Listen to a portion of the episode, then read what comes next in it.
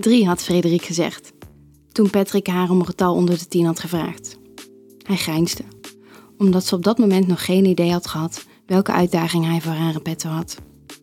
Dan is dat het aantal kledingstukken dat je aan moet hebben tijdens onze date. Patrick bestelde een whisky zonder ijs en keek rond in de speelzaal van het casino. Het was druk vanavond. Je kon zien dat het goed ging met de economie. Hij maakte er een sport van om te fantaseren hoe de klandizie het geld had verdiend dat ze hier met bakken over de tafel smeten. Die dikke man met die veel te jonge vrouw? Patrick giste dat het een varkensboer was. Of een autohandelaar. Iemand met zwart geld in ieder geval. Dag lekker ding. Het was Patrick niet opgevallen dat Frederik inmiddels was binnengekomen. God, wat zag ze er fantastisch uit.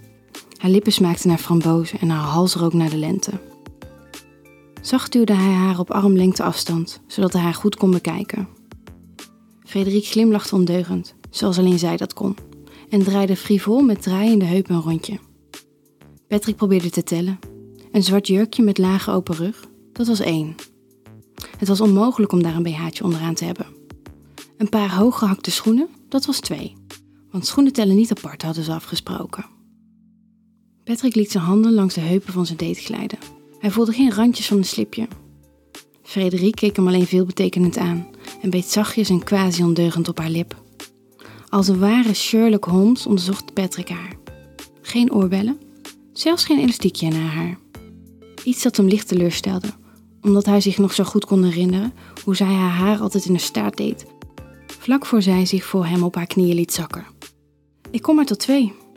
Frederik glimlachte ondeugend en streelde langs de kraag van zijn donkere colbert. Ze hield ervan als hij goed gekleed was.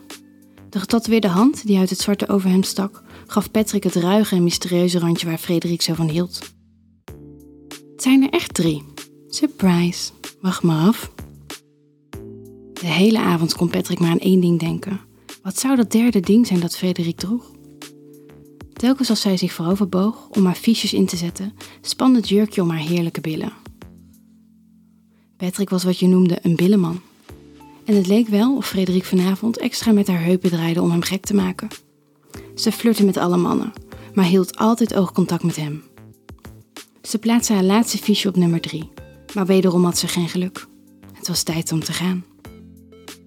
Weet je het al? Frederik stond voor hem in haar hotelkamer. Patrick trok een onbenullig gezicht. Hij had werkelijk geen idee. Zou ze een piercing hebben laten zetten? Opnieuw was daar die ondeugende glimlach van Frederik, toen ze het jurkje van haar schouders duwde. Eerst werden haar kleine meisjesachtige borsten zichtbaar. Geen BH'tje. Dat was geen verrassing.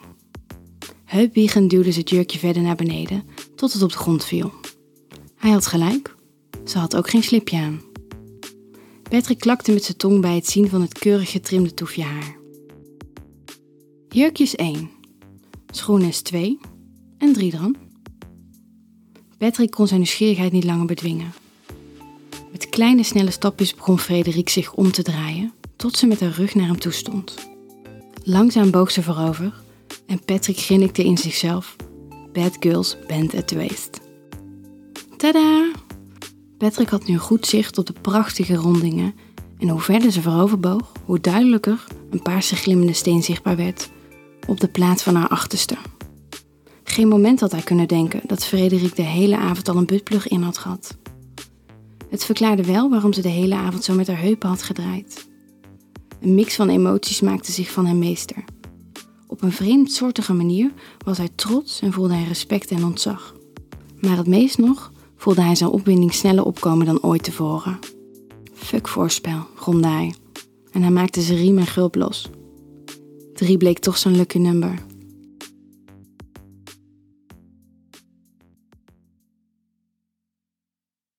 Wil jij nou meer spannende verhalen? Luister dan naar Charlie's Avonturen, een podcast van Easy Toys.